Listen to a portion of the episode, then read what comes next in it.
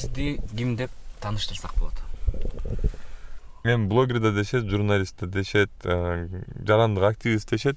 Негизинен мен эми өзүм деле билбейм азыр ким экенин. Чын блогерминби бир четинен азыр журналист болчумун эми. Акыркы маалда журналист да болуп иштебей калдым.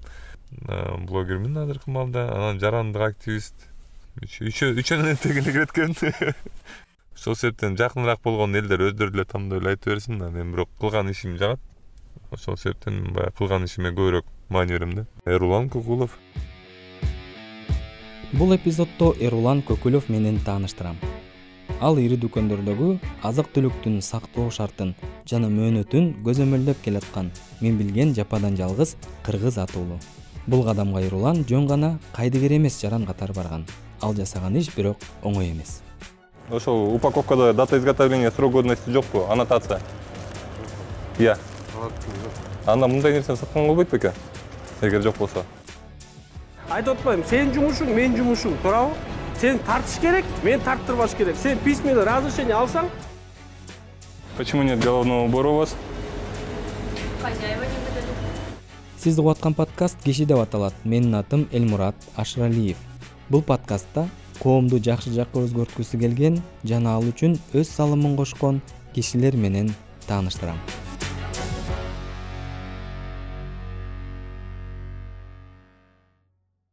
биринчи бөлүм. Эрулан несахыр же болбосо кыргызча айтканда шекер эмес долбоорун тартуу үчүн офис издеп жүргөн экен. Аны менен бир офистен экинчи офиске бараткан жеринен жолдон жолугуп машинада сүйлөшүп бараттык. Азыркы маалда үч айдан бери иштей элекпиз да биз. Үч айдан бери долбоор жабылып турат анан мындай себептери бар. Баягы апрель телеканалын жаап койгондон кийин башка каналдарга деле чакырды менимче азыркыга чейин деле чакыргандар бар анан. Билбейм ушул бир несахар долбоору баягы гражданский активист болуп башталып анан кийин бир телепроектке айланды да эми ошол бир телепроекттен дагы ойлоп атам да дагы бир чоңураак нерсе кылсамбы деп азыр ошол ошол мал жагында иштеп атабыз. Азыр ошо офис издеп жүргөнүм да ошондон да. Шекер эмес деген аталыш эч кандай деле бөтөнчө маанини билдирбейт берүү даярдалып телеканалга чыгаар алдында болгону шашылыш түрдө тандалып калган аталыш экен. Несахар долбоору абдан кымбат долбоорлорго кирет да. Анткени эки оператор бар. Эки оператор болгондо значит эки камера бар. Эки камера жана юристтердин жардамы керек көп жерлерге акча үчүн керек мисалы биз ошо кыргызстанга чыга албай атабыз эми баягы бишкекте эмес белек. Башка областтарга да жүрүшүбүз керек. Мунун баары эле эмне мунун баары эле акча? Ошол себептен биз азыр несахар долбооруна спонсор издеп жатабыз. Жок азыр өзүбүз ачып алабыз андан кийинчерээк э, демөөрчү издейбиз да. Бирок демөөрчүнү деле ар кайсы кишилерди эле демөөрчү кылып биз ала албайбыз. Баягы өзүңөр түшүнүп атасыңар несахар долбоору бул эл үчүн иштеш керек ошол себептен демөөрчүнү дагы абдан кылдаттык менен издейбиз да. А негизи демөөрчү болгусу келген адамдар көп. Несахар долбооруначы айла жок ала албайбыз да. Кимдер демөөрчү болом десе силер кабыл албайсыңар. Ошо тамак аш жагында иштеген кишилерди биз демөөрчү катары ала албайбыз. Ошондой эле туура эмес нерселерди саткан кишилерди биз демөөрчү катары ала албайбыз. А биз ушундай компаниябыз биз демөөрчү биздин талаптарга жооп бериш керек болуп калып атат да ошол себептен баягы демөөрчү да издеши оор болуп атат. Ну буюрса табылат болуш керек. Иши кылып ошонун баарын кошуп туруп несахар долбоорун иштетишибиз керек. Мен акча тапчу долбоор эмес жанагы демөөрчү дагы акча тапчу долбоор эмес да. Бул жеке баягы жакшылык үчүн кылышыбыз керек. Бул акча тапчу эмес элге кызмат кылган долбоор болуп кала бериш үчүн эрулан аракет кылып жүрүптүр. Офис тапкандан кийин ал өз ишмердигин андан ары дагы өнүктүрүүнү көздөдү ошол несахар долбоорунун алдынан дагы бир башка эки үч долбоор ачылат. Ошол несахар сыяктуу эле болот бирок алар башка нерселерди текшерет да. Сулуулук салондорун кошобуз жеке менчик медицина борборлорун кошобуз да. Анткени бунун да себеби бар. Абдан көп жерде элдерге жардам керек экен элдердин баары эле мушташып жүрө албайт да. Элдердин баары эле согушуп жүрө албайт. Элдер мындай мыйзамдуу мыйзамдын чегинде чечкилер келет көп суроолордучу ошондуктан мага абдан көп телефон чалуулар болот ушундай медицинский центрларга телефон чалуулар болот э, сулуулук салондорунан телефон чалуулар болот ушу кардарларды алдап кеткен болушат да.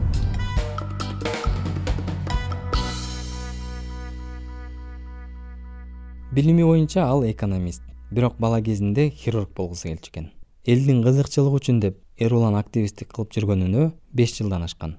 Көп жыл мурун өз башынан өткөргөн жагымсыз окуя анын камераны колго алып активисттик кылып калуусуна түрткү болуптур. Анан бир күнү эле ушу мен апама орой мамиле кылыптыр бир очки саткан дүкөндөн. Аны дагы мага апам айткан эмес аны мага карындашым айтат да орой мамиле кылып акчасын ыргытып ийиптир жерге. Эчке чыгарып салыптыр бир немеден. Дүкөндөнчү ошол жерден эле чыгып алып машинага отуруп алып абдан жинденип ошол магазинге бардым. Магазинге барсам бир жаш кыз экен бир он тогуз жыйырмадагы кыз экен. Мен апамдын мүнөзүн билем да апамдын мүнөзү андай эмес да. Чындап келгенде анан айттым мындай чоң кыз эми андай кылгаң болбойт го сиздин деле апаңыз бар го андай мындай десем. Мен мени көп нерсеге үйрөтпөй эле койгачы деп туруп эле жанагы оозго келген сөз менен эле сөгүп салды ошол жерденчи анан баягы жерден эмне кылаарын билбей туруп калдым менчи аны ура албайсың туурабы? Урсаң мыйзамды бузган болосуң. Ушундай жана магазинди ушундай бир талкалап салгым келди баягы жиним келгенденчи бирок аны да кыла албайсың бул да мыйзамга каршы да. Тиги кыз болсо эмне кылсаң ошол кыл деп атат анан кийин бирок ошол эле маалда ошол кыз кылган нерсесине жооп бериш керек болуп атат да. Меники оюмчачы калыстык баягы адилеттүүлүк болуш керек да туурабы мен жөнөкөй эле нерсе айттым сен менин апаман кечирим сурайсың дедим. Болду башка эчтеке кереги жок мага. Десем жок дейт. Анан кийин жана магазиндин андайтын немесине чал дедим. Кожоюнуна чал десем кожоюнуна чалды бир эже алды телефонду. Ал дагы ошол эле сөздү айтты да ал айтты мен ал жерде жок болгом мен барып ошол нерсени разбирать этишим керек дейт да. Мен билип берем дейт да. Бул баягы эле ошол эле бул көнүп калган да. Буга деле ушинтип чалышса керек мурун делечи бул көнүп калган баягы. Орой мамиле кылганга макул дедим анда. Анда башкача кылабыз деп ойлонуп туруп ошо журналист досума чалдым айттым ушундай бир магазин бар экен ошол магазинге келип тартып кет ушундай орой мамиле кылышат экен. Десем макул деди ал. Ушинтип башталган да булчу анан кийин ошол дос балам келди тартты. Ал дос балама деле жанагы кыз көп көңүл бурган жок. Мынтип отуруп алып ылдый отуруп алып башын катып отуруп алды. Анан кийин мен тиги дос балама айттым. Дагы башка журналисттер чыккыр бул магазинди чоң интернетке чыгарабыз. Башка магазиндер дагы башка дүкөндөр дагы түшүнсүн мындай мамиле кылса болбойт экенин депчи. Макул деп калды тигил бала. Андан кийин экинчи журналист келди. Анан үчүнчү журналист келгенде жанагы кыз түшүндү да ошол жерден ыйлай ийди жанагы. Кыз мени сөгүп аткан кыз ошол жерден ыйлай ийди макул апаңызды алып келиңиз мен кечирим сурап берем деп калды. Анан кийин ошол менен коштоштук да. Апама келип айттым апа тиги кыз сизден кечирим сурайм деп атат андай мындай десе кереги жок деп койду. Эмне кереги бар андайдын деп барган жокпуз ошол бойдон бирок ошондо эле ошол оюмда калып калган да менчи эрулан кардарларга болгон мындай жоопкерчиликсиз мамиле жеке эле менин апам башынан өткөргөн маселе эмес. Бул бүт кыргызстанда буга чейин да болуп келген жана азырга чейин уланып келаткан көйгөй дейт. Ага күнүнө элүү алтымыштай киши кайрылат. Көпчүлүк учурда кайрылгандарга барып жардам берет экен. Бирок кээде телефон аркылуу эле ишти бүтүргөнгө болоорун айтат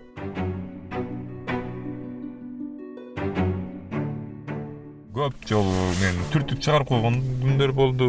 Ошол дүкөндөн камераны колуман жулуп алып өчүрүп койгон маалдар болгон телефонду. Кийинчерээк түшүндүм. Жалгыз барбаш керек экен. Жаныңа бир журналист алып алыш керек экен да. Ошондо бир аз жеңилирээк болот экен. Биз кыргыздар көнүптүрбүз да ушундай нерселерге. Күбөлүк деген нерсеге көнүптүрбүз мындай жеке адам өзүнүн нерсесин өзүнүн укугун коргоого абдан оор экен да. Ошол дүкөндөн түртүп чыгарып койгондон тышкары башка мындай коркутуу үркүтүү жашоого коркунуч жаралган эмеспи? Жок. Жок андай боло элек. Андай боло элек жана андай болбойт дагы деп ойлойм го дейм. Анткени ар бир эле адам баягы ошол жерде камеранын көзүнчө неме болуп атканын билем бирок ичинен түшүнөт болуш керек мен кылып аткан нерсемдичи бул элге керектүү эле нерсе экенин түшүнөт ошол себептен андай болбойт деле болуш керек деп ойлойм. Башында долбоор жаңы башталып атканда коркутуулар көп болду. Элдин түшүнбөстүгү көп болду. Азыркы маалда көбүнчө элдер мени колдойт. Коркута турган киши болсо мен ойлойм ал өзүнө эле мындай жаман нерсе болуп атпаш керек депчи анткени колдоо абдан көп анан колдоо ар кайсы тараптан көп да. Мисалы биздин эме бар? Охранный агентство бар. Ошол баягы долбоор чыккандан кийин бир бир ай эки айдан кийин эле неме болгон? Охранный агентство элдерди бөлүп берет мага бекер бергенин эле пайдалана бергим келбейт. Ошол себептен мындай көйгөйлүү суроолор болгон маалда пайдаланам да ал неме менен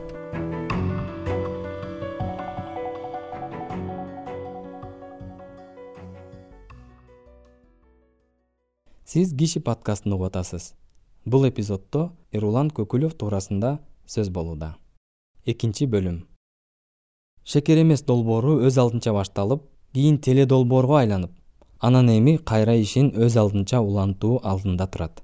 Бир убактарда эрулан аны башка журналисттерге өткөрүп берүүгө аракет кылган экен. Өзүмдү журналист кесип катары алайын деген эмесмин да. Бул баягы элдерге жардам берген долбоор болчу. Анан ошонун долбоор башталгандан кийин башка өзүмдүн журналист досторума да айтып калдым. Абдан ютубта просмотрлор абдан көп болуп кетти да.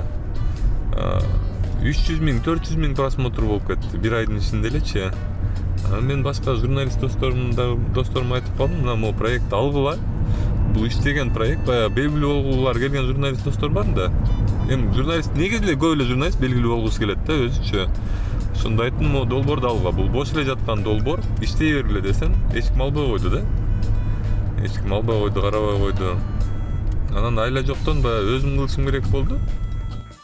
Биздин тамак ашыбыз абдан начар абалда дейт эрулан анын оюнча бул маселе ишкерлер элди ойлобой жеке пайдасын эле көздөп жоопкерчиликсиз мамиле кылып атканынан улам келип чыгууда.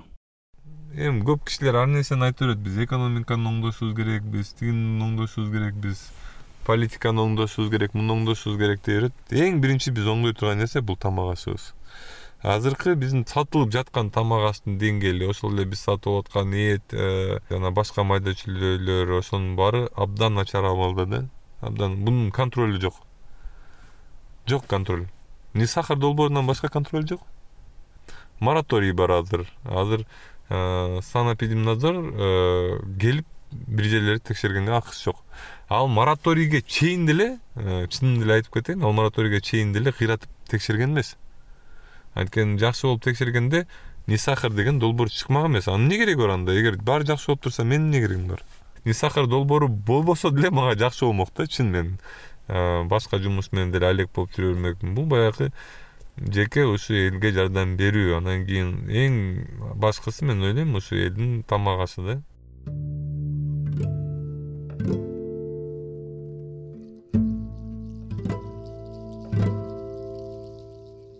Эруландын айрым материалдарында санэпид көзөмөлдүн кызматкерлери менен кошо жүргөнүн көрүп калдым эле. Мындан улам аталган мекеменин кызматкерлери менен кандайча иштешип калганына кызыктым. Санэпидемнадзор экотехинспекцияны алып келсек эми мен мындайча айтканда аларга керегим жок да чындап келгендечи анткени мен элдердин көзүн ачып атам да булар эчтеке кылган эмес булар иштеген эмес булар жөнүнө жүрөт депчи.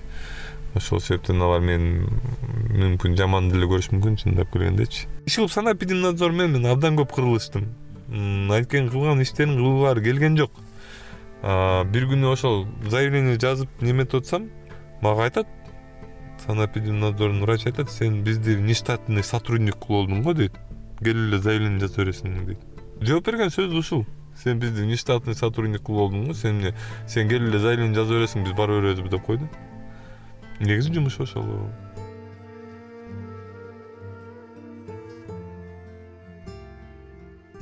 тегерек стол болгон ал жерге санэпидемнадзор экотехинспекция жана башка ушул сыяктуу баягы органдардын чогулушу болгон.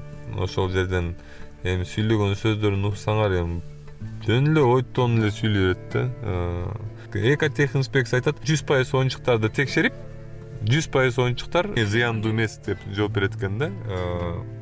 Анан мен ошол жерден айттым да байке дедим ушул боюнча съемка кылганда дедим.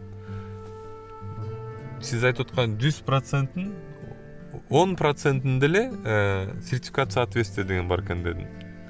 Он кишини текшерсем ошонун бирөөндө эле сертификат соответствия бар экен да. Мен айттым сиз кантип сертификат соответствиясы жок нерселерди текшердиңизби десем жок сертификат соответствиясы бар нерсени текшердим дейт.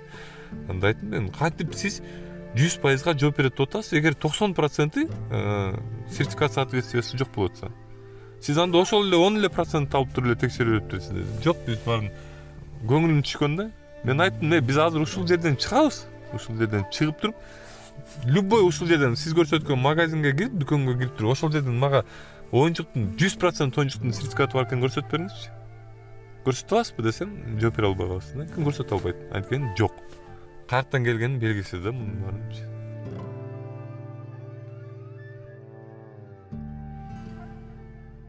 эрулан командасы менен материал даярдоодо кадимки кардар сыяктуу эле жолдо баратып өз иштери менен дүкөнгө же башка жайга киргенче эле берүүнү тартып калышат.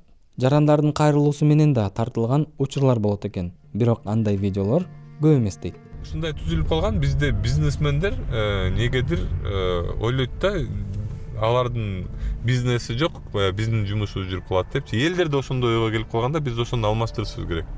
Эл жок бизнес жок. Эл бизнесмен жок жасай берет. Печенье чыгарган компанияны алалы э? Мисалы биз ошол печенье чыгарган компаниясы жок жашай беребиз. А алар биз жок компания жашай албайт. Анткени алардын нерселерин бирөө сатып алыш керек. Алар өздөрүнө өздөрү печенье жасай бербейт да туурабы. Ошону баягы элге таратышыбыз керек жана бизнесмендердин өзүнө да таратышыбыз керек. Эгер саткыңар келсе жасап саткыңар келсе сапаттуу нерселерди жасап саткыла мына момундай укугуңар бар талап кылсаңар болот могуларды талап кылсаңар болбойт деп көрсөтүп бериш керек да элдергечи. Менин жумушум ошондо да. Анткени көп болот кээ бир кишилер. Туура эмес үчүн болуп эле мага чалып алып эле э, доолай беришет да. Бул моундай болуп атат. Эмнеге андай анан ага андай кишилерге түшүндүрүп беришти бар да сиз өзүңүз туура эмес кылып атпайсызбы депчи. Алты жети жылдын ичинде дайыма эстеп жүрө турган сыймыктана турган кандай бир өзгөрүү болду? Ошол сиздин жасаган ишиңиздин аркасынанчы. Өзгөрүүлөр көп. Мен өзүмөн абдан эле сыймыктанам. Негизи э, биз долбоор жаңы башталганда бета сторис супермаркетине киргенбиз. Баягы талаптарга жооп бербеген бир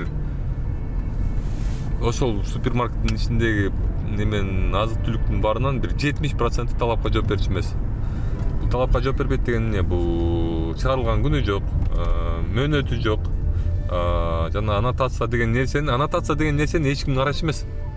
Аннотация деген нерсени эч ким билчү да эмес. Азыр бул менин жумушум ар бир магазинге кирип туруп корейский рамен деп коебу ошону карасаңыз ошондо аннотация жазылган кыргыз жана орус тилинде да.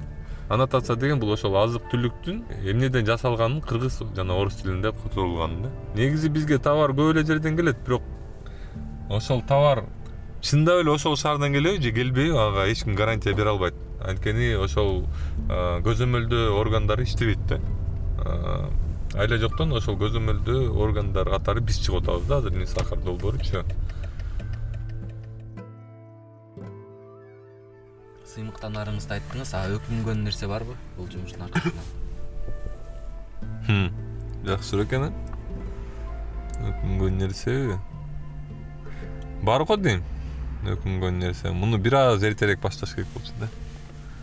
Бир он жыл он жыл эле эртерээк башташ керек болчу. Жана мен эмес башкалар деле баштай берсе болот болчу да чын.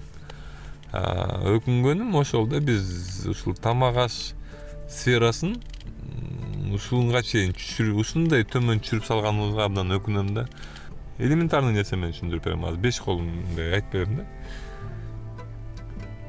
Дүкөнгө кирип карасаңыз шоколадный печенье менен жөнөкөй печеньянын баасы почти бирдей.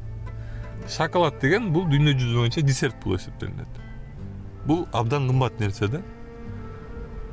Ошондо печеньянын даамы э, неменин жөнөкөй печенье менен шоколадный печеньянын айырмасы өлдү дегенде эки эсе болуш керек да бери жагы элечи ушул баанын немеси менен көп нерсени билип койсо болот азыр бүт эле баары эле менден сураганда шаурма жесек болобу болбойбу деп сурашат да. Шаурма эки миң беш эки миң алтынчы жылдары жүз сом болчу эле эттин баасы бир эки жүз эки жүз жыйырма сом болчу. Азыр эттин баасы үч жүз алтымыш үч жүз сексен сом шаурманын баасы болсо жүз жыйырма сом. жыйырма сомго эле көтөрүлдү ошондон беричи эмнеге? Эттин баасы өсөт шаурманын көлөмү өсөт дагы жыйырма эле сом ортого кошулуп калып атат да. Эмнеге ушундай муну мен карабашым керек нисахар карабаш керек муну өкмөттүн деңгээлинде караш керек болуп атат. Бирок баягы элдер өздөрү көңүл бурбаганына байланыштуу өкмөт дагы көңүл бурбайт. Өкмөт деген ким? Өкмөт деген ошол эл да. Кээ бирлери үчүн даже прикол болуп калып атат да там. Не сахарды чакырып коюш керек эле депчи мындай. Бул ишибиз менен кайсы бир бизнес жабылып бир кишиге зыяныбыз тийиши мүмкүн бирок жүз миңдеген адамдарга пайдабыз тийип атат дейт ал. Телевизорго чыккан кишилер эмнегедир алтымыш акча тапкан киши болуп эсептелинет экен да. Жок бул деген э, акча көп деле түшпөйт. Анан кийин азыр ошол убакыт бар да менде баягы ушундай жардам катары кылганга убактым бар да. Иштегенгечи ошол пока убакыттын бар маалында иштеп турам. Анан убактым жок маалда эми баягы баары бир эле адамбыз да башка нерсеге которулам го деп ойлойм. Бирок не сахар долбоор иштебейт. Не сахар долбоору бул баягы элдерге жардам берген долбоор болгон үчүн бул долбоор иштеш керек да. Өткөрүп беребиз да. Мен не сахар долбоорун ушундай немеге чыгаргым келет? Э, бүт э, жардам керек адамга бүт баарына жардам бергенге не сахар долбоор аракет кылат да. Бүт жерден укук коргоо жагынан э, ден соолугу жагынан ошол эле медицина жактан көп интернет баракчалардан көрүп каласыз э тиги рак болуп акча чогултуп атабыз мындай тигиндей деген жерлерге да жардам бергенге аракет кылабыз. Жана Э, ошол тамак астооңдо албетте бул биринчи орунда турат да. А негизи ушул бир чоң мындай бир продакшн студияга айланалы деп атабыз. Буюрса бүт жагынан жардам бергенге аракет кылабыз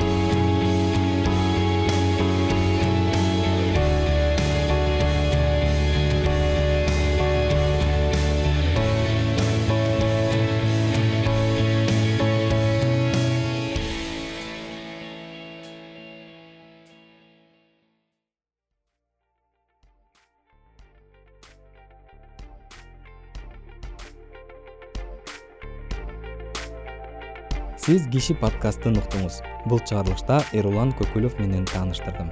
Ушуну менен бул аптанын эпизоду аягына чыкты аны мен элмурат ашыралиев даярдадым. Бул подкаст жөнүндө досторуңузга жана тааныштарыңызга айтып бериңиз. Apple google жана башка подкаст платформаларында киши деп издеп жазылып коюңуз. Кийинки бейшембиде жаңы эпизод өзү түзмөгүңүзгө келип турат. Эпизоддо көңүлүңүздү урган нерсе болсо же кандайдыр бир ой пикир айткыңыз келсе нөл беш жүз элүү эки ноль бир эки жети сегиз тогуз номерине whatsapp же telegram аркылуу байланышыңыз. Бул киши подкасты сорос кыргызстан фондунун колдоосу менен даярдалды айтылган ой пикирлер фонддун көз карашын билдирбейт. Киши подкастын укканыңыз үчүн ыраазычылык билдирем. Кийинки эпизоддо амандашканча